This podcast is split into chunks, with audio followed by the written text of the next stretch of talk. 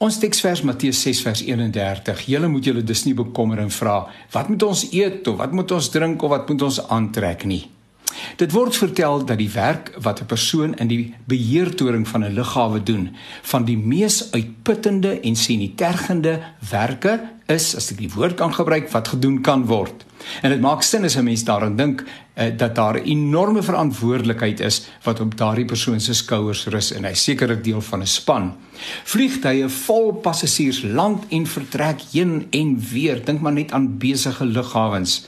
En sou 'n aankomende vlug en 'n vertrekkende vlug op dieselfde baan beland, kan die gevolg katastrofies wees en geen vliegtyg mag ook na, natuurlik sonder die nodige klaringsdokumente land nie. So 'n vlug sou sonder meer weggewys word om 'n ander heenkome te vind. As gelowiges kan ons taak met die van 'n amptenaar in die beheertoring vergelyk word. Maak seker dat die vliegtye wat wil land in jou lewe die nodige dokumentasie en klaring het. Godverheerlikende, positiewe, opbouende gedagtes mag land.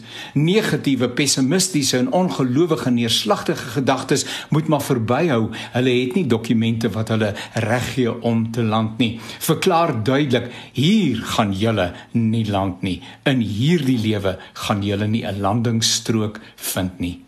In die praktyk is ons gedagtes meermale die landingsstrook van 'n mengelmoes van gedagtes. Iewers tussen gister en môre gaan vandag by ons verby. Oor gister worstel ons met selfverwyte en minderwaardigheid. As ons tog net meer onder met meer onderskeiding opgetree het, as ons net beter leiding gegee het, beter toesig gehou het, beter voorberei het, met die gedagtes ontwyk die vrede ons. Anders is ons met môre besig. Sal ek dit kan doen? Is ek bekwam genoeg? En sê nou net die mense verwerp my. Wat gebeur as ek nie suksesvol is nie?